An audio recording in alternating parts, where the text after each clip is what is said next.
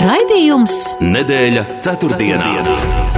Sabiedrībā zināma cilvēku diskusija par nedēļas aktualitātēm katru ceturtdienu pēc pulksten 17. Nedēļa ceturtdienā. Projektu finansē Mēdīju atbalsta fonds no Latvijas valsts budžeta līdzekļiem. Sveicināti kurzemes radio klausītāji, tiekamies novembra pēdējā dienā, ceturtdienā. Gads lēnām iet uz beigām, un šajā nedēļas nogalē jau iemirdzēsies daudz vietu svētku rotājumi, darbosies arī tirdziņi, skolēniem sācies ieskaišu periods, un sabiedrība kopumā cauri šim svētku gaidīšanas periodam ejot, tomēr arī gatavojas jaunajam gadam, izmaiņām maksājumos, izmaiņām preču cenās, arī izmaiņām naudas maciņā, jo paredzēts celt minimālās algas apmēru un paaugstināt arī piemaksas un finansiālu atbalstu arī vairākām iedzīvotāju grupām. Saima turpina darbu pie valsts budžeta projekta skatīšanas, un šodien Saima ar 51 balsi pieņēma arī Stambulas konvenciju, par ko joprojām gan Saimas deputātu, gan arī sabiedrības vidū nav vienota viedokļa. Kā lai kliedē šaubas un kā lai nonākam pie vienot, vienota viedokļa, politiķi šķiet arvien vairāk raisa neusticību. Valsts prezidents šonadēļ nāca klajā ar viedokli par Krišjāņa Kariņa tēriņiem jau daudz apspriestajiem ārvalstu lidojumiem atzīstot, ka tas neizskatās samērīgi un pilnīgi noteikti šādi notikumi sabiedrībā neusticēšanos politiķiem tikai pastiprina, ko pierāda arī mūsu sabiedrības aktivitāte saimas vēlēšanās. Kādu un vispār, mm, vai vispār Latvijas politiķi politiķiem ir personīga atbildība par kļūdainiem lēmumiem viņu darbā. Kaut arī fakts par jūrmalas domas nu pat satversmes tiesa attaisnoto lēmumu ieviest braukšanas maksu pilsētā visu gadu 3 eiro apmērā. Ministrija saskata riskus līdz šā gada beigām pašvaldībām pabeigt, vairākām pašvaldībām pabeigt Eiropas Savienības projektus vairāk nekā 400 miljonu eiro apmērā. Bet veselības ministrs izteicis satraukumu par jauniešu veselību, nepietiekamas fiziskās aktivitātes un nepilnvērtīga uzmanība uzturu dēļ, un tas atspoguļojas arī valsts aizsardzības dienestā iesaucamo jauniešu veselības pārbaudēs. Vēl kāds pētījums liek uzmanību pievērst arī jauniešu pilsoniskajai izglītībai. 75% Latvijas skolēnu uzskata, ka drošības garants ir saliedēta izglītota sabiedrība, dalība NATO, Eiropas Savienībā, bet 25% ir citās domās vai Krievijā iespējamas pārmaiņas pēc mobilizēto Krievu tuvinieku prasībām viņu radinieku demobilizācijai un prezidenta kritizēšanas?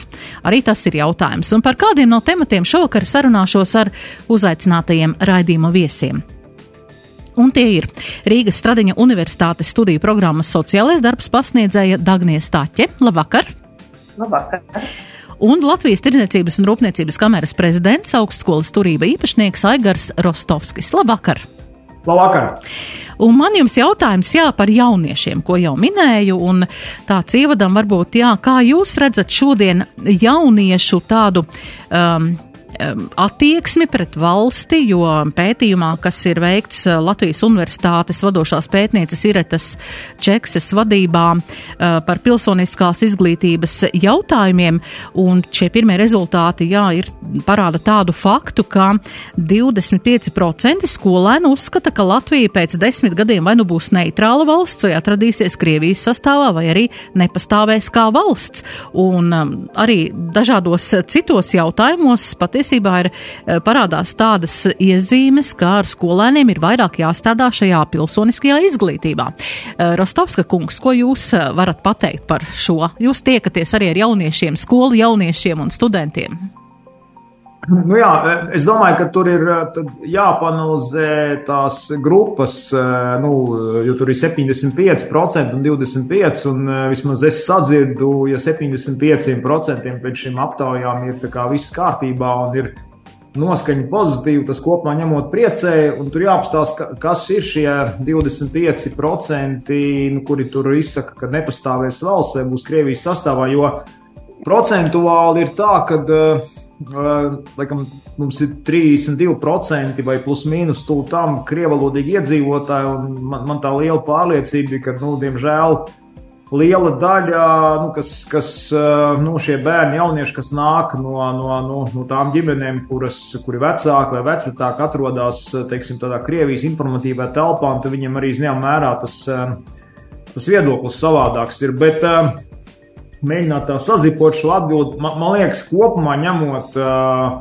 Latvijas jaunieši ir, ir patriotiski. Es zinu arī pēc saviem bērniem, jā, man ir četri tagad bērni. Nu, viens ir pavisam maziņš, bet trīs iet vai nu skolās vai bērnu dārzos. Tad tur ir, nu, teiksim, tai patriotiskai audzināšanai ir liela. Nu, mēs arī ģimenē, kā saka, kā saka veicam zināmas pārunas par šo visu. Un, Bet arī skolās un bērngārzos nu, tur diezgan intensīvi viss tas, nu, tā kā tie bērni interesējās. Un es domāju, ka, kopumā ņemot, viss ir kārtībā. Bet uh, Mums ir eh, nu, pie tās lietas jāpiestrādā, un patiesībā eh, nu, labi, ir visas tās ģeopolitiskās lietas, to mēs parunāsim raidījuma noslēgumā vai tajā sadaļā par to Krievijas lietu. Bet tas, kas mums gan ir jādara, un tur, kur ir nu, kļūdas pieļautas, tas jāatzīst, ir, kad eh, nu, šī krieviski runājošā sabiedrība nu, ir.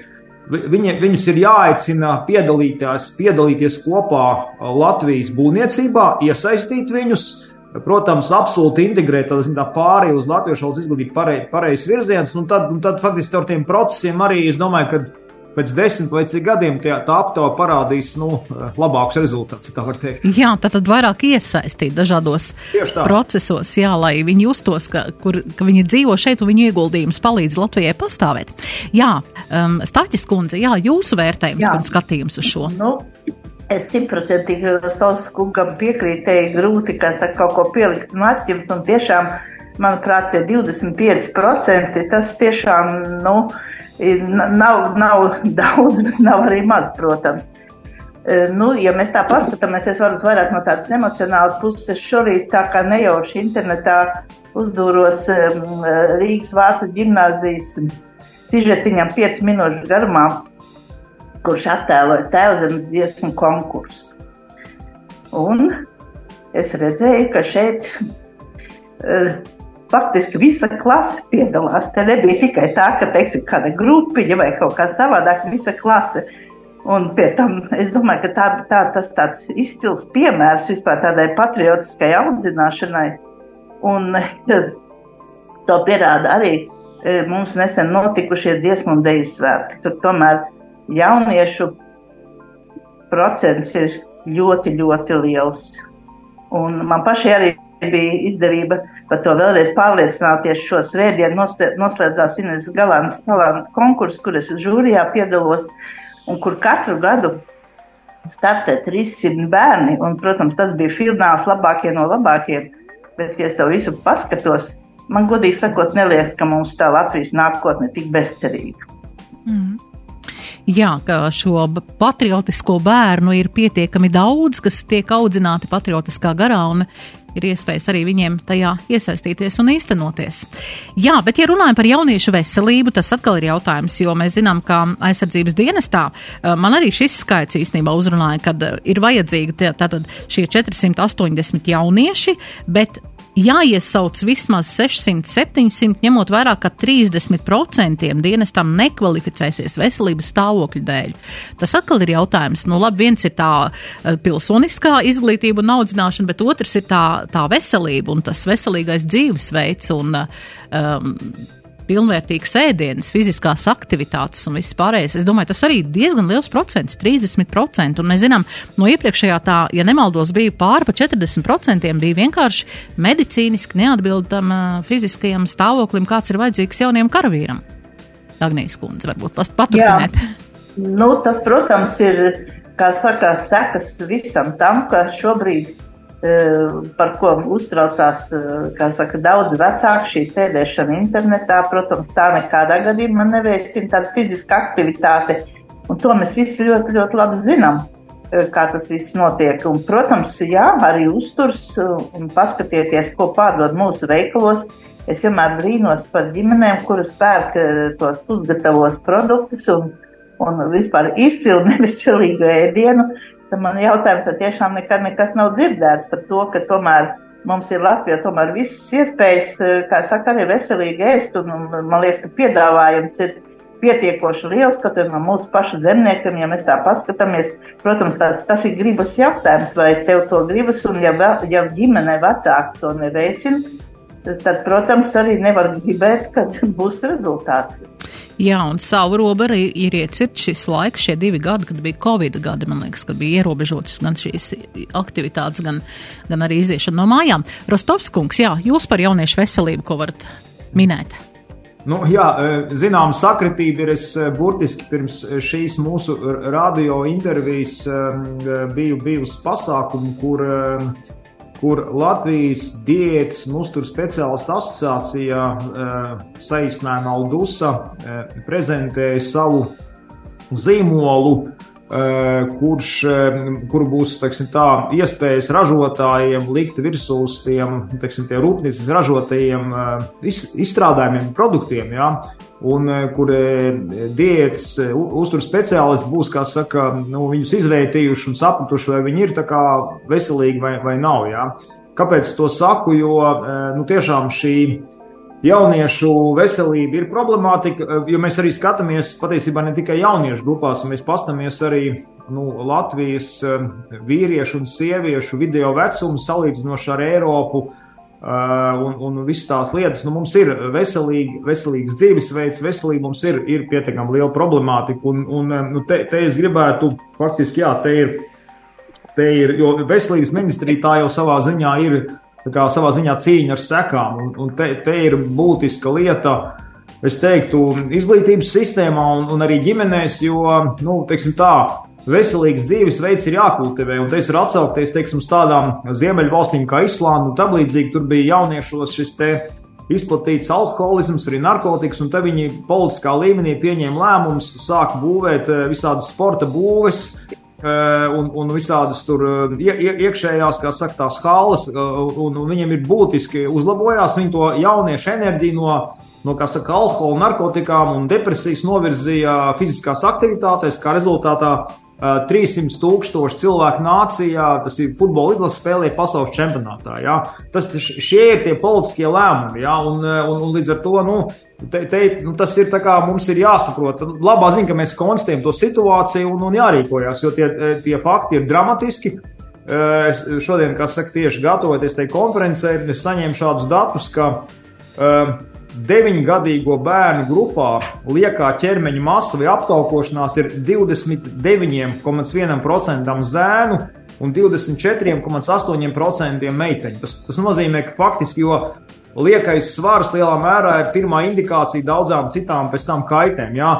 Protams, ir jāsaprot, ka eh, arī pārtiks industrija ir aktīva, eh, kas saka, tirgojot savus preces un pakalpojumus, bet, šajās tēmās, kas saka, politikai un, un, un, un sabiedrībai zināmā mērā jāmeklē tas līdzsvars un, un jāizglīto un jāliek tie filtri, ka mēs nevaram ļaut arī nu, tirgot visu kaut ko. Jā. Tā kā nu, tēma ir apzināta, tagad ir laiks rīcībai.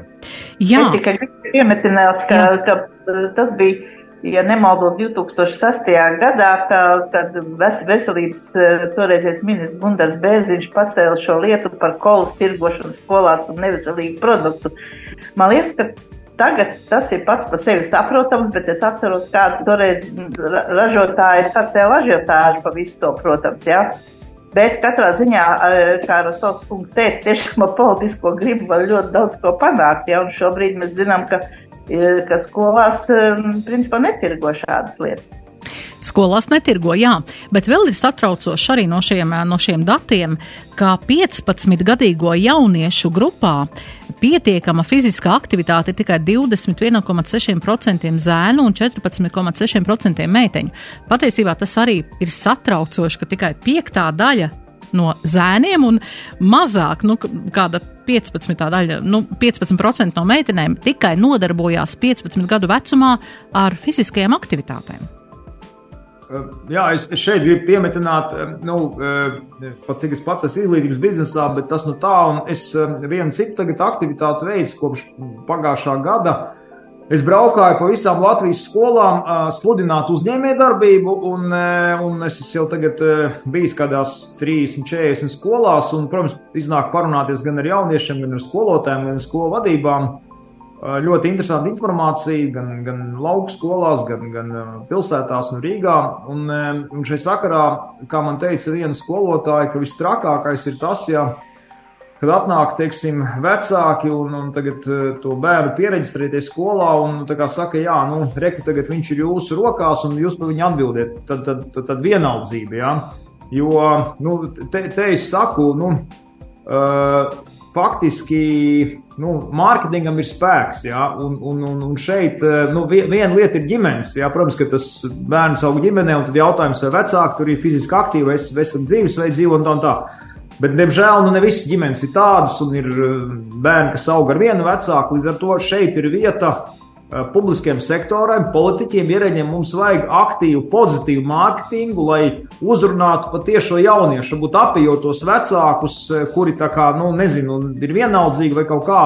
Nu, visādā veidā rosinot, lai aicinot tos bērnus un jauniešus sportot, būt veselīgiem un tam līdzīgi. Nu, tas, tas atkal ir Te jābūt proaktīvai politikai. Mums politika ir ekstrēmi ierēdnieciska, ekstrēmi birokrātiski. Tāpēc mēs te kuļamies, kā saka, Eiropā, nabadzībā un tajā visā, kā saka, eh, neizdarībā. Jā. Nu, ir, ir jāmainās. Nu, šie, visi lieti ir, visi tie jautājumi ir sasāpējuši. Jā, Dagnijas kundze, varat kaut ko piebilst šim? Jā, protams, bet nu, te mēs atkal, protams, atdaramies, ka, protams, bērns, protams, nāk no ģimenes un, protams, tam būtu jāsākās ģimenē. Tas nu ir viennozīmīgi, bet ja nu ir šī situācija izveidojusies, tad skaidrs, ka mēs visi skatāmies skolas virzienā, skatāmies skolotāju virzienā. Nu, tas nebūtu nav tik vienkārši, bet es domāju, ka eh, tomēr arī pašvaldībām šeit ir ļoti liela loma Un e, mēs ļoti labi zinām, ka ir pašvaldības, kurās šīs iespējas ir, ir lielākas, citur ir mazākas. E, nemaz nerunāsim par to, ka, teiksim, varbūt citās valstīs visi šie pieejamās sporta aktivitātes atrodas ļoti tuvu mājām, kas, diemžēl, Latvijā nav.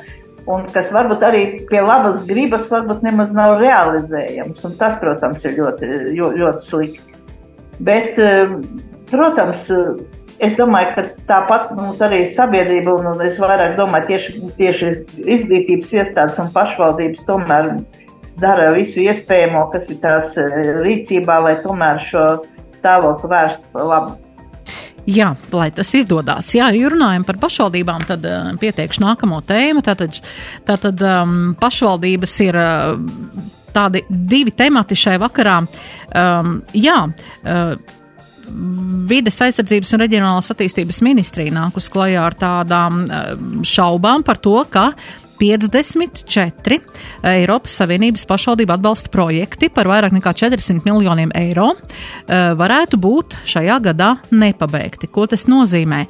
Tas nozīmē, ka mēs varam neapgūt šos līdzekļus, kas varētu arī mūs ietekmēt nākotnē. Un šie līdzekļi bija piemēru, pie, pie, nu, pieejami, lai tātad ēku infrastruktūras un energoefektivitātes uzlabošanai, infrastruktūras attīstīšanai, uzņēmējdarbības atbalstam, pasākumiem, kas ir pašvaldību plānu pielāgošanas klimata pārmaiņām, vidas aizsardzības, var sakot, dažādiem um, mērķiem, lai pašvaldības varētu piedāvāt gan efektīvākus pakalpojumus, gan arī um, tātad izveidotu infrastruktūru uzņēmē darbības attīstībai un, un, un daudzām, daudziem um, tādiem tādām lietām, ko pašvaldības var īstenot, taiskaitā, lai arī uh, jauniešiem būtu kāds iegūms bērniem, jo arī pirmsskolas izglītības infrastruktūras attīstībai. Uh, tagad par šo, uh, kas, kas varētu būt uh, pamatā tam un, un ko mēs tagad pazaudēsim un, un ko pašvaldības varbūt palaiž garām, uh, nesaprotu vai, vai, vai kaut kādā veidā, nu es ticu, ka tas nav tā tīši, tas ir kaut kādā veidā, nu, gada beigas 54 projekti, tas ir tomēr diezgan daudz uz Latviju. Latvijas pašvaldību skaita. Rostovs kungs, ko jūs varētu pateikt par šo? Es eh, šo jautājumu pienākuši viņam no citas puses. Mm -hmm. Mēs pirms eh, divām nedēļām eh, bijām Briselē, tur bija Eiropas uzņēmēja parlaments, un mums tur uzņēmēja delegācija bija tāda plašāka programma. Un, mēs viesojamies arī Briseles NATO, kas saka, tajā štābā un tā un tā. Un e, es arī to biju paudis Latvijas e, rīta panorāmā, un izskanēja tā frāze, jeb tas jēdziens institucionālā mazspēja. Mm -hmm. Un šī institucionālā mazspēja patiesībā apdraud Latvijas drošību. Un šī institucionālā mazspēja ir, izplat, ir izplatījusies gan publiskajā pārvaldē, tādās valsts līmenī, ja kā saka, un diemžēl arī pašvaldībās. Un tad vienkārši šie projekti parāda nu, šo institucionālo mazspēju. Nu, Un, un mēs jau kā, nu, kā uzņēmēji komūni faktiski sakam, ka nu, Latvijas ekonomikas, jo, jo redz, tos iepriekšējos 20 gadus, nu, tad politiskai elitei vai ierēdnieciskai elitei tam kopumā likās, ka Latvija var, varēs veiksmīgi attīstīties nu, tikai kā viņi saka, apgūstot Eiropas naudas, viņas tur pārdalot, vēl budžetu pārdalot, viss būs labi. Nu, nebūs labi tā. Un mēs velkamies tajā Eiropas ap, apakšējā, kas saka, starp tām nabadzīgākajām valstīm. Mēs sakam, ka uh, ir vajadzīga daudz labāka šī uh, uzņēmējdarbības vide, lai cilvēki rosīties, lai var, teiksim, tā, no tādas pārdales, sadales ekonomikas iet uz tādu rad, radošu ekonomiku. Un tad ir jādomā par par, eh, nu, par birokrātijas samazināšanu, par finanšu pieejamību, par, eh, par saka, darba spēku pieejamību, par enerģētiku, par, nu, par tām lietām, kur investē tas, tas privātais sektors. Ja, jo Latvijas labklājības pamatā ir tikai eksports, investīcijas gan vietējās, gan ārvalstu un produktīvas palielināšana. Bet, diemžēl, ir nu, šis te. Uh, tas, tas biro, mēs esam sevi sapinuši jā, ar to visu birokrātiju, jā, un tad tajā meistarībā esam sapinušies tādā veidā, ka pat mums saka, reku, jums ir nauda, paņemiet, jā, un mēs nespējam pat noformēt dokumentus, jā, nu, kā saka, un viss plāta rokas un tāda kolektīvā bezatbildība. Nu, tā ir tā institucionālā mazspēja, un baisi domāt, nu, labi, es, es, es ticu un ceru, ka mūsu, kā saka, militāristu drošības uh, sektors dzīvo, un to es zinām, pārliecību arī gūtu tajā Briseles NATO štābā, jā, bet tas civilās sistēmas, nu, nu tas ir ārprāts, jā, viss, ja mēs runājam par kaut kādām būvniecības procesiem vai tam līdzīgi, nu, te, te jāuzslavē ir, ir, ir Siliņas kundze vismaz retorikā, jā, un ekonomikas ministrs Valēņa kungs saka, nu, tagad jāķerās klāta, beidzot mums tā birokrātija ir jāmazina, Eh, kas saka, šī būvniecības, visi tie procesi ir jāmazina, jo mēs esam sapinušies vienkārši. Jā, un tas ir tas rezultāts. Tā kā mums jāsāk piņķerēties vaļā no tā visa. Jā, viegli pateikt, bet kā to izdarīt? Tur ir nu, atkal vajadzīgi. Jā, jā, kā saka, eh, ļoti vienkārši. Jā. Ja tu nemāki to izdarīt, raksti papīru, lai nāk kāds, kas māk to izdarīt. Nu. Tā vienkārši. Dagnijas kundze, jā.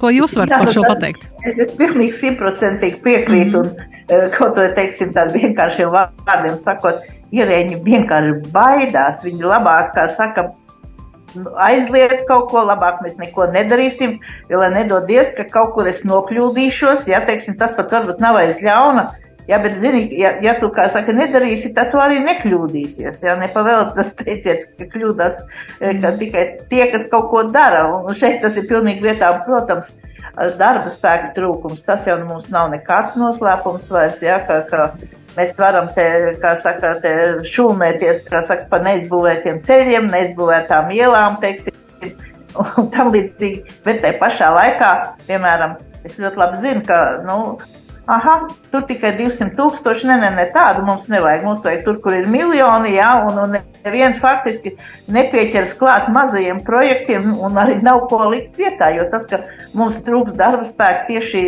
celtniecībā un ceļu būvniecībā, tas jau nav nekāds noslēpums vairāk. Un, un es domāju, ka pašvaldības, tās, kuras šos projektus apgūst, viņ, viņam noteikti katrā ziņā nav nekādu ļaunu nolūku. Es par to esmu pilnīgi pārliecināta. Mēs te, te skatāmies arī sižets gan par Valmieru, gan par Valku. Nu, to, to ļoti grūti izvērtēt, bet, bet katrā ziņā noteikti pašvaldības dara visu iespējamo, lai šos līdzekļus no Eiropas eh, piesaistītu, un, un daudz, daudz vietas arī ļoti veiksmīgi, kā saka, ir izdevies. Tā kā tam ir arī tādi objektīvi, objektīvi apstākļi, bet tas, ka tas ir mūsu pašu vaina, par to, ka mēs, eh, kā saka, esam kā meistarībā sapinušies, var teikt, ja? tas gan ir fakts. Jā, es vēl tikai tādu mm -hmm, burtiski divus teikumus klāt. Eh, nu, skaidrs, ka 90. gadi, nu, kad pēc padomju savienības sabrukuma, jā, nu, nāca tām savām kaut kādām īpatnībām un tur ar visām kaut kādām korupcijām, valsts nozagšanām, lai kā to sauc, jā. Un tā bija tā masīvā cīņa pret, pret nu, tiem visiem procesiem. Mēs esam iebraukuši otrā grāvī, nu, kad viss ir, viss ir tā pārregulēts, un, un tieši tā, un arī, un arī kā saka, ierēģi, ja, viņiem, ja viņi saprot, ka viņi, kā saka, nu, izdarījis kaut kādu mazāko kļūdu, ja nu pat kaut kā, nezinu, ne tā noformulēt dokumentu, vai ne tur ieliekot komatu, un ka viņiem pēc tam būs, nezinu, kaut kādas milzīgas, milzīgas problēmas. Viņi arī ir, viņi arī ir sapīti, ja, un tad mēs visi tādi sapiņķerējušies staigājam. Nu, tā kā jābūt, un šim ir jābūt tādam politiskam uzstādījumam. Šo beidzam, tā ir pagātne, kā saka, un, un sākam, sākam atpiņķerēties, sākam radīt saprātīgus regulējumus, lai var attīstīties gan biznesa, gan arī, kā saka, var, var normāli investēt šo te Eiropas nu, kopīgo naudu dažādos projektos. Jā, man jau šķiet, ka tie. Tas, tas mm. prasa laiku, uz burvju mājiem tas nenotiks. Tas, mm. nu, tur vajadzēs ilgi, kamēr no tā mēs atpiņķerēsimies. Tas ar Jā, bet, bet, bet, bet, kā saka austrumos, jebkurš ceļojums sāks ar pirmo soli. Tieši tā.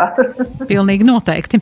Jā, ja runājam par to, ka ierēdņi baidās no tā, un varbūt ne nav īstais vārds baidās, bet nu, negrib uzņemties atbildību par to, tad eh, nu, te atkal jāsaka ir otrais grāvis, kur patiesībā nu, eh, rādās, ka atbildība patiesībā pat nav jāuzņemās. Un, Un man ir jautājums jā, par, tādiem, par, par diviem šādiem faktiem. Tātad viens ir, ka satversmes tiesa ir atzinusi šo jūrmalas um, noteikto iebraukšanas maksu 3 eiro visu, visu, visu cauru gadu no, no transporta līdzekļa, uh, kas ir bijis uh, nu, likumīgs, bet uh, toreizējais uh, vidas aizsardzības reģionālās attīstības ministrs ir to atcēlis nesaprotot, neizprotot likumu vai nezinot.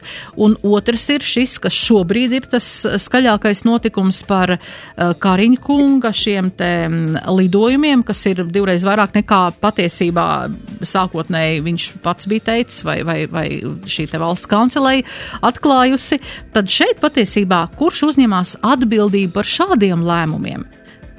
Uh, te ir atkal otrs grāvis, kad nu, es atļaujos darīt, uh, kā es kā ministrs vai ministru prezidents, bet nu, tā atbildība patiesībā, tāda personīga atbildība par to nav nekāda gandrīz. Tagnīs kundze, kā jūs domājat? Jā, nu, jums taisnība patiešām es kaut kā nespēju tās sevi atmiņās, kā saka, atrast eh, tādus gadījumus, ka, teiksim, būtu šī atbildība. Nu, šeit konkrēti kaut vai materiālā ziņā, jā. Kaut vai materiālā ziņā, jā. Tikai tieši. materiālā. Protams, skaidrs, ka jūrmalai nod, nodarītie zaudējumi budžetā, tas ir viennozīmīgi, un mēs zinām ļoti labi, kas mums ir jūrmala ka tomēr tā ir sargājama vieta, ja, un skaidrs, ka ar šiem, šiem caurlaidēm, kā saka, tas ļoti atslogo budžetu un var, kā saka, tā palīdzība var sakārtot infrastruktūru. Nu, es ļoti, kā saka, neticu, ka, kad pleškums uzņemsies atbildību no jūrmalā zaudētos budžeta līdzekļus no viņa atgūsiet. Tas nenotiks. Vismaz es tā, tādu gadījumu neatceros Latvijas vēsturē. Jā, nu, kas attiecas uz, uz Kariņu kungu, Jā, nu, es tā kā, tā kā varbūt drusciņi pamēģināšu paskatīties, tā saka, no, no tā varbūt no sava rakursa tāda, ka es pieļauju, pirmkārt, te noteikti komunikācijas eh, trūkums, tas ir viennozīmīgi. Tas, ka šādi lidojumi varētu būt bijuši tīri pamatoti, eh, arī skaidrs kaut vai, nu, ja mēs paskatāmies šis pats eh, Krievijas iebrukums Ukrainā, kurš, protams, noteikti prasīs steidzīgi sasaukt kādu sanāksmi, kurā, protams, vajadzēja piedalīties. Ļoti iespējams, ka, teiksim, savienojošie reisi nav, nu, nu viss ir iespējams, teiksim, te pašā laikā jābūt ir atpakaļ. Bet es domāju, ka pie pareizas komunikācijas varbūt tas arī nebūtu bijis tik, tik ļoti šobrīd, kad šeit ir ažiotāžas atpelts, protams, ir milzīgi, par to nav ko runāt. Bet te pašā laikā, ja mēs paskatāmies, mums taču ir, nu, Teiksim, kurš atbildēs par to, ka par 50 miljoniem vakcīnas tika iepirkts un neizlietots? Arī, arī jautājums, jā. jā. Tā pašā laikā mēs ļoti labi zinām, gan, gan veselības ministrija, gan izglītības bija dažādi projekti, kuri īstenībā miskastē, teiksim, izmest kā nederīgi, un tie bija, protams, summas ziņā daudz lielākie, jā, šobrīd. Tā kā, nu, skaidrs, ka šobrīd varbūt ir tāda, nu, zināmā mērā tāda politiska cīņa arī izvērsusies, ja ņemam vērā to, ka priekšā ir Eiropa parlamenta vēlēšanas, un, protams, arī šis gadījums tiek izmantots. Eh, es domāju, ka noteikti daļa šo lidojumu varēja būt arī pamatoti. Es mm, neesmu papētījis, vai tas bija Covid laikā, tas arī iespējams. Bet eh, es domāju, ka šī politiskā situācija starptautiskā mērogā tomēr arī, kā saka, prasīja mm, premjeru piedalīšanos šajā sanāksmē, un varbūt viņam arī bija atpakaļ. Es gribētu arī tā paskatīties, un, nu, ja nu ģenerāla prokuratūra ķērsies klāt, tad nu skatīsimies, kas no tā iznāks, bet kaut kāda līdz šim tāda ģenerāla prokuratūras aktivitātes attiecībā uz citu miljonu zaudēšanu kaut kā nebija tā pamanīta. Jā, Rostovskungs, ko jūs par to visu varat teikt? nu jā, es sākušu par cik tā tēma plaša, bet varam šos divus gadījumus, kas saka, apskatīt jūrmālu. Nu, man liekas, ka tā, tā tradīcija bija no, no padomu laikiem atnākusi, jo vēl padomu laikos tur bija jāmaksā par iebraukšanu. Un, nu, man, man kā pilsonim, nu, kas ir ok, ja, ja teiksim, viena pilsēta iekasē, un nu, teorētiski varētu būt jautājums, kad arī jebkura pilsēta varētu, saka, par iebraukšanu pilsētā iekasēt naudu un tam līdzīgi. Ja? Tad, tad man gribētu saprast, ok, visi tie, kas nedzīvo jūrmalā un tur brauc cauri vai iebrauc, tad, kad tā nauda aiziet, nu, nezinu, tur kāpu aizsargāšanā vai kaut, kaut kādā, nu, konkrētā lietā, nu, kad ka tā ir kaut kāda, teiksim, visa sabiedrība saprot, ka ir, nu, jūrmalā ir kaut kas konkrēti tur aizsargājums, ja, kad tur apdraud, nu, tad visi vienkārši caur, caur šo te veidu, kas saka, to naudu arī saliek. Nu, man, man liekas, ka nu, tam būtu jābūt kaut kādam tādam, kaut kādam konsensam. Un patiesībā tai sarunai būtu jābūt, nu, ap, ap to, ja. Jo es neesmu arī jurists, tās ir tādas jau juridisks peripētīs, tur satversmes tiesas, pašvaldību tiesības, tas ir tādi, kā saka, bet man liekas, ka tas lielais jau ir gala beigās. Nu, šī ir mūsu valsts, un mums ir nu, kā būtu jābūt tiesībām kaut kā sabiedrībai, nu, vienoties tā, nu, ar kaut kādu tādu iekšēju sabiedrisku politisku dialogu pie kaut kā nonākt. Jā, man liekas, ka tas tur ir kaut kā iztrūcis. Ja, un tad es aizgāju jau kaut kādā juridiskā plāksnē, ja tur ir Viens tagad ir ministrs, viņš pielieto savu varu administratīvo, tur kaut ko tur aizliedz vai atceļ tās maksas, tad ir satversmes tiesa, tad nu, ņemtiņš. Jā. Man liekas, ka vairāk mums jāizmanto tāda, nu, tāda sabiedriskā sarunāšanās savā starpā, vairāk tai diskusijai jābūt, lai tad, nu, kaut kā tuvinātu tās lietas. Jā. Un, un tā. Kas attiecās uz, uz, uz bijušo premjeru, uh, tur, tur tā lieta jāstāv vairāk, vairākās sadaļās. Jā. Uh, Jo, jo respektīvi, nu, tie, tieši tā, nu, es saprotot, kāda ir, kāda ir dinamika, teiksim, esot šādā amatā, bet tai loģikai būtu jābūt tādai, ka okay, tev ir zināmie kaut kādi pasākumi, ir noteikti kaut kāda plānošana. Ja? Līdz ar to tai loģikai pirmām kārtām ir jābūt tādai, nu, kad, kad ja to visus tos pārdomus var uztaisīt ar, tomēr ar, ar regulāriem reisiem, tai jābūt prioritātei. Jo gal beigās, nu, premjeras jau neierodās lidostā un nestāv tajā rindā. Viņi faktiski pievērt klāt pie lidmašīnas. Ja, tas nozīmē, ka tur nu, kad, nu, nu, tā, tur tas cits, cits tas laika iespējas. Bet, protams, var būt situācijas, sevišķi tur karš un tam līdzīgi, kad ir kaut kur steidzīgi jārada. Un, un tad savukārt ir tas komunikācijas jautājums, ja, kad ja, ja būtu teiksim, tā, rekurī, tur nezinu, Londonā steidzīga sanāksme, ja viņam te ir kaut kas ministrs komentā, jā, nu, fiziski nevar paspēt savādāk. Ja. Nu, tad vienkārši nokomunicēja sabiedrībai, nu, nebija citu opciju, lai tur, kas saka, drošības nolūkos man tur bija jābūt, paņēmām privātu lidmašīnu otrām kārtām. Tur jau ir tā, ka uh, bieži vien jau premjerministrs nelido viens pats. Jā. Ja tur lido teiksim, jau kaut kur desmit vai cik cilvēki, tad iespējams tās izmaksas, jā, kaut kur jau, nu, vai tu desmit cilvēki paņem privāto lidmašīnu, vai, vai tur lido ar, ar, ar, ar, ar to, nu, tur jau, nu, vienkārši nav, nav, bija tā, nav, nav bijis tā komunikācija. Un tad, un tad, protams, ka tagad es uzspēlu pēc kaut kāda laika, jā, ka tas ir bijis kaut kur paslēpts. Man viens no ministriem teica, jā, arī nu, stāstīja no vienas valdības viņš saka, viņš ir kā ministrs, viņš tur kaut ko interesējās, jā, par kaut kādu budžetu. Viņš saka, nē, nē, kas saka, tas tev nav jāzina. Eh, tur, kā saka, Bānis kundze visu sakārtos. Jā. Nu, šis ir kaut kur tajā stāstā. Tas nozīmē, ka faktiski, eh, jo, jo tas budžets ir nu, relatīvi apjomīgs, un tu jau nu, tur ir kaut kāda cipara, un tur daudz ko var paslēpt apakšā. Un tā liela daļa, tā, tas cepiens, ja tā var teikt, ir, ka nu, vienkārši nu, nebija zināms. Tas tagad kaut kur uzraksts un peld augšā. Un, protams, tā vēl viena lieta ir no, nu, politiskā cieņa. Jā, ir, ir Kariņš kungs, ir Dabrovs kungs, ir, ir šis komisāra iekārojamais amats, jā, un, nu, te, kā saka, mēs vēl sagaidām, sagaidīsim vēl visādus citus skandālus. Bet tādā ziņā jau nu, ko lai saka, demokrātija ir spēks, tas šīs lietas, un savā ziņā šis ir tas spiediens arī uz politiķiem. Jā, tas pat ir redzēt, kā skaidrs, ka Nu, mēs nevaram arī, nu, kas saka, visiem lēmumu pieņēmējiem tagad visiem tur atmaksāt, likt to maksāt. Jo skaidrs, ka to, nu, tu tīri par tām pašām vai tām vakcīnām vai tam līdzīgi, tu jau nevari arī precīzi uzprognozēt. Tev jāpieņem lēmumu. Tad, ja tu, manā skatījumā ir tā, ja tu neesi izdarījis kaut kādu kriminālu pārkāpumu, nu vienkārši nezinu, nozadzis vai korumpējies, nu tad uzlikt materiālu kaut kādu atbildību īsti nevar tad tā ir politiska atbildība. Vienkārši, nu, kā saka, arī šī gadījumā sabiedrībai jāsaprot, nu, ja, ja sabiedrība uzskata, ka premjerministrs nu, ir pārāk neadekvāti lidinājies apkārt, nu, tad acīm redzot, nākamreiz par viņu nevajag balsot. Viņu, viņš nekad nebūs ne deputāts, ne ministrs, neviens. Ja? Un tas ir signāls arī pārējiem. Ja? Tad, tad rīkojieties atbildīgi, rīkojieties, eh, kas saka, stāstiet sabiedrībai, ko jūs darat Esat atklāti, jā, nu, nu, nu, tā kaut kā, un nedariet kaut kādas, nu, krimināli sodāmas lietas, jā, nu, mm. atkal tas stāstījums, ja tu neko nedari, tad nekļūst, tev ir jādara, tev ir jārīkojas, un, ja tu rīkojies, var būt arī kļūdas, un tas ir tikai normāli. Jā, mums ir maz reklāmas pauzīt, un tad mēs paturpināsim.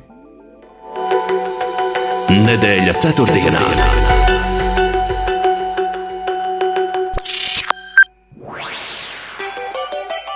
Īpašs piedāvājums tikai pensionāriem. Abonē žurnālu Ieva, Ievas stāsti, Ievas veselība, privātā dzīve, Ievas padomu avīze vai jebkuru citu izdevumu visam gadam un maksā reizi mēnesī. Abonēt ir ērtāk un lētāk. Lai abonētu, zvani 67 00 611 4.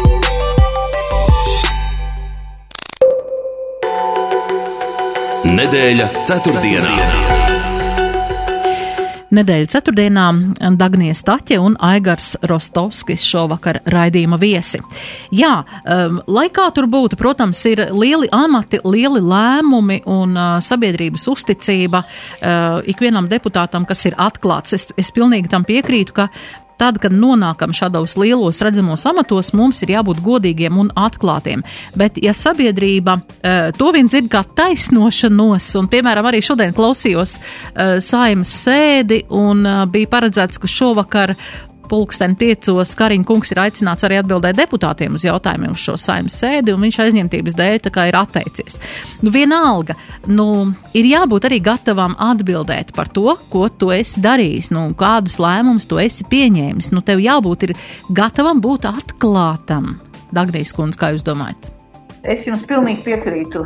Protams, tas varbūt eh, kādreiz nenākās viegli, bet, tad, protams, jādara. Man personīgi arī uzskats ir, jo es esmu atklātāk pret sabiedrību, jo man no tā kaut kā man vieglāk no tā dzīvot. Nu, protams, ir cits jautājums, kā tavu atklātību atkal uzņem arī zināms ļaužu lokus. Tas arī skaidrs, jā, kādreiz arī ir tā, ka tu ar to ļoti, ļoti riskē, bet eh, katrā ziņā noteikti es arī dotu priekšroku tam, ka jābūt ir atklātam. Es domāju, ka iepriekš eh, šis mūsu aprunātais gadījums ar Kariņu kungu, es domāju, nebūtu izvērties tik ļoti lielā, kā saka, tādā skandālā, ja tas būtu bijis zināms sabiedrībai noteikti. Jā, vēl interesanti arī, nu, mēs zinām, ka, nu, protams, ik viens deputāts nāk no sabiedrības, un, un uh, atkal ir, ir bijis šis pētījums, um, tā šis pētījums, tūlīt nepateikšu, bet, nu, par to šajā nedēļā bija dati, ka um, tā tad. Apmēram cilvēki 26% jūt aizvainojumu pret valsti, bet ir interesanti, ka 18% Latvijas pilsoņi uh, uzskata par pieņemamu neuzrādīt savus ienākumus, lai izvairītos, piemēram, no nodokļu nomaksas. Nu, vai tas tomēr arī nesaskan ar to, ka nu, man tomēr gribās kaut ko tādu darīt tā, nu, negluži atklāti, ja, un, Un es pat aptaujā to varu atzīt, jā, nu, es atbalstu to, kad man ir aploksnītē aldziņa vai kas, kaut gan, nu, man, man tādas nav personīgi, teikšu uzreiz. Bet, bet vai tas tomēr arī neatspoguļojas vēlāk šajā valdības attieksmē un, un valdības atklātībā pret sabiedrību? Rostovskungs. Nu, jā, nu mēs, eh, kā lai pasaka, notiek zināma evolūcija sabiedrībā, ja, un tie ir tie procesi, kuri nemainās vienā dienā. Ja, tie procesi var iet pozitīvā un negatīvā virzienā, un, un, un tā un tā. Bet vēl pabeidzot arī nedaudz par to, par tām kariņa lidojumiem. Man šī procesa rezultātā arī negribētos, lai tas gala slēdziens ir tāds, ka kad kāds no nākamajiem premjeriem viņam, teiksim, nezinu, kaut kādā tur drošības X situācijā ir jālido uz, nezinu, Londonu, Briselu vai kaut kur, un, un nav tie, nav tie, kas saka, publiskie reisi, viņš eh, saprotot, eh, ka, ja viņš paņems privātu lidmašīnu, viņu pēc tam nosodīs, viņš neaizlido. Un, un, un, un pēc tam radās nu, kaut kāds cita līmeņa ļaunums. Jā. Līdz ar to nu, ir jābūt tai nu, saprātīgai pieejai un jābūt tai diskusijai. Atkal mēs neiebraucam otrā grāvī, un tev ir jāliek tās svaru kausos tās rīcības. Ja? Nu, kur tev ir varbūt jāpārmaksā, bet jāizdara kaut kas būtīgs, un kur tev ir vienkārši jārīkojas racionāli. Man tās aizdomas vienkārši ir, ka, ka Kariņa kungam iespējams kādā brīdī iepatikās ar tām privātajām lidot, un tad tas aiziet jau nu, tā kā, nu, tā kā norma. Ja? Bet, uh, Bet par, par tām aptaujām jau saistībā ar tiem nodokļiem un to visu, eh, cik tur parādīt, neparādīt, eh, tur jau redz, ka ir cits. Jā. Uh, nu, sabiedrība, es šito savu laiku kaut kādā bija pētījumi par, tad Eiropas pētījums bija par, par iemesliem, kāpēc vispār cilvēki, nu, teiksim tā, atļaujās nemaksāt nodokļus. Tad, tā, tad tas, tā, tā viena lieta bija, nu, kad eh, nu, cilvēks fiziski nevar samaksāt, viņam tur, kā saka, tas, tā bilants neiet kopā. Un tad tas otrs nākamais iemesls bija, ka viņš redz, ka eh, samaksātā nodokļu nauda tiek izmantota neliederīgi, eh, nepareizi, vēl ne noziedzīgi un tam līdzīgi. Un tad, protams, jo, nu, teiksim, iedomājieties, nu, cilvēks, mūsu kāds klausītājs, Viņam tagad saka, jums ir jāmaksā nodoklis, un viņš tur tagad kaut kādus 10 vai 20 eiro, bet viņš pastāsta, nu, tur pusotru miljonu premjeras lido ar, ar to privāto lidmašīnu, pat nepadomājot. Tad viņš domā, vai man tiešām ir jāapmaksā šis viss. Un tāpēc jau šī, šī komunikācija no tiem cilvēkiem, kas, kas tiek uzturēti no nodokļu maksātāja naudas, un te ir jāuzsver, nodokļu maksātāji ir tikai un vienīgi privātie uzņēmumi ar viņu kolektīviem. Un šīs domas, tās teksti, kad ierēģi arī maksā nodokļus, tas ir pilnīgs muļķības. Ierēģi nemaksā nodokļus. Caur ierēģiem tā nauda iziet cauri. Un līdz ar to eh, šiem cilvēkiem, kas reāli rada to pievienoto vērtību, ja produktu, ja pakalpojumu, un ja viņi redz, ka tā viņa nauda, kur viņi samaksā nodokļus, aiziet kaut kādā sviestā, tad viņam loģiski paceļās jautājums, vai tiešām nu, man ir jāmaksā. Līdz ar to tā atbildība publiskajai varai, politiķiem, ierēģiem ir tāda, demonstrēt, ka katru, ka viņiem ir, viņiem ir tieši tā, viņiem jāskaidro. Es to darīju, tāpēc kā un skaidrot. Jo viņi, viņi, viņi tērē to naudu, jā, un tie, kas maksā, un tiem ir tiesības pajautāt. Nu tā. Tieši tā. Tieši tā. Jā, ja vēl pēdējo jautājumu, mēs, mums ir palikuši četras minūtītes līdz redzījuma beigām, bet es gribēju par šo, jā, um, ir tīmekļa platformā Telegram, tātad kanālā tāds uh, puķidamo jeb ceļš mājās paziņojums, uh, kas ir pirmdien, pirmdien publicēts mobilizēto Krievijas karavīru radnieku vārdā. Tātad izteikti neie, izteikta neierasti asa diktatora Vladimira Putina kritika un, uh, un arī tāda prasība, tātad demobilizēt uh, tos Krievu karavīrus mājās un, un uh, ko šis varētu nozīmēt. Protams, tas nav Maskavā, tas ir um, um, attālākās pilsētās no Maskavas, bet vai vai varētu uzskatīt, ka sākās kaut kāda ledus kustēšanās tajā, kad šie mm, karavīri, kas nav atgriezušies mājās, ka viņu radinieki sāk kaut ko apjaust, kaut ko domāt un varētu kaut ko nu, kā, mm, sākt mainīt Krievijas politikā, Rostovs kungs? Nu jā, es ļoti cītīgi sekoju visiem notikumiem, kas ir par un ap Krieviju. Uh, uh, nu, tur dažādas ir aplēses, bet pat pieņemot, ka ir nu, aizgājuši bojā, nogalināti 300 tūkstošiem vai nedaudz vairāk okupācijas karaspēka, nu, tas ir ļoti zems procents. Jā, un, un tas, kā saka, tas centrālās varas ir tāds apspiešanas līmenis ļoti augsts. Es domāju, ka kaut kādi procesi sākās. Protams, ka tie 300 tūkstoši līdz kaut kādām ģimenēm aiziet līdz kaut kādiem ciematiem, bet tas ir ļoti, ļoti mazā skaitā. Tas kompleksais risinājums ļoti vienkārši. Jaudīgas ieroču piegādes Ukrainai. Es ceru, ka nākamā nedēļā ASV kongress pielēms par to 61 miljonu Tas ir viens būtisks punkts. Otrs būtisks punkts ir visas sankcijas. Tas nozīmē, ka tā Krievijas ekonomika sāks vēl trakāk krist. Es skatījos datus, viņi, viņi gāžās lejā, principā, jā. Nu, un tomēr, kad, kad to nogalināto un savainoto skaits pieaugs, tas ir tā trīs lietu kombinācija, un kaut kādā brīdī viņi līdz kaut kādam punktam aizdīs, bet tas punkts jau ir relatīvi tālu. Bet es uzsveru, ka manā skatījumā tas būtiskākais jautājums tomēr ir šīs militārais, militārā komponenta. Tieši Ukraiņas armijas spēja nu, tajā kara laukā virzīties uz priekšu. Jā, neļaut uh, Krievijai panākt kaut kādas panākumus kara laukā. Dagnijas kundze, ko jūs par šo? Jā, es, es pilnīgi piekrītu, protams, jo eh, skaidrs, ka tā ir laba ziņa un varētu pat runāt par kaut kādu ledus sakustēšanos Krievijas sabiedrībā, bet manuprāt, tās ir tā, tādas ļoti vājas ledus plaisas, ņemot vērā to, kā uz Krievijas iedzīvotājiem iedarbojās eh, visa, visa tā propaganda un, un, tam līdzīgi. Un gal, galā, ja būsim jau atklāti, ar, ar tādu pārliecību jau arī viņi vienmēr ir dzīvojuši, teiksim, ja, ka viņiem ir jābūt tiem, kas, kas uzvar un ka tas ir pilnīgi normāli un, un šī, šī, saka, šīs potas par to, ka mēs cīnamies pret rietumiem, ja, tā kā es domāju, ka nu, šāda veida, kā saka, kustības tur ātri vien tiks, kā saka, saknē iznīcināts. Tas arī ir pilnīgi skaidrs. Ir mums skaidrs, ka to var tikai ar, ar, ar tādu, tādu palīdzību Ukrainai un, un tiešām. Man, man vispār drīzāk uztrauc eh, šobrīd šī Eiropas eh, līderu, teiksim, attieksme Slovākijai. Mēs skatāmies, nerunājot par Ungāriju, tagad mēs, mēs dzirdam par Nīderlandi. Un tas jau gan vairs nav, nav nekas labs, godīgi sakot. Jā, nu, vēl pozitīvais punkts ir tas, ka tojas arī uh, šīs vēlēšanas Krievijā, un kad viņi it kā negrib tādas represīvas metodas, tā kā arī pielietot no tādas savas spēku puses, viet, nu, vietējos tā kā apspiesta tādām kārtīgām represijām. Tā kā tas arī varētu būt viens tāds neliels vēl tāds pozitīvais punkts, lai, lai kaut kas varētu sakustēties. Nu, cerēsim un turēsim īkšķus, un, un lai Lai tomēr Ukrainā parādās tas, ka nu, viņi nevar sevi saukt par tādu lielu, veiksmīgu armiju vai, vai labi apgādāto vai spēcīgāko vai nezinu kādu, ka tas tomēr nu, nepierādītos šajā, šajā karā. Jā, paldies jums par sarunu un novēlu jums veiksmīgu darba nedēļas noslēgumu un tādus mierpilnus arī Ziemassvētku gaidīšanas laiku, šo adventu laiku un, un noteikti tiksimies atkal turpmāk. Sarunājos šodien ar Rīgas Stradiņa Universitātes studiju programmas sociālais darbs pasniedzēju Dagniju Staķi. Paldies jums, Dagnijas kundze!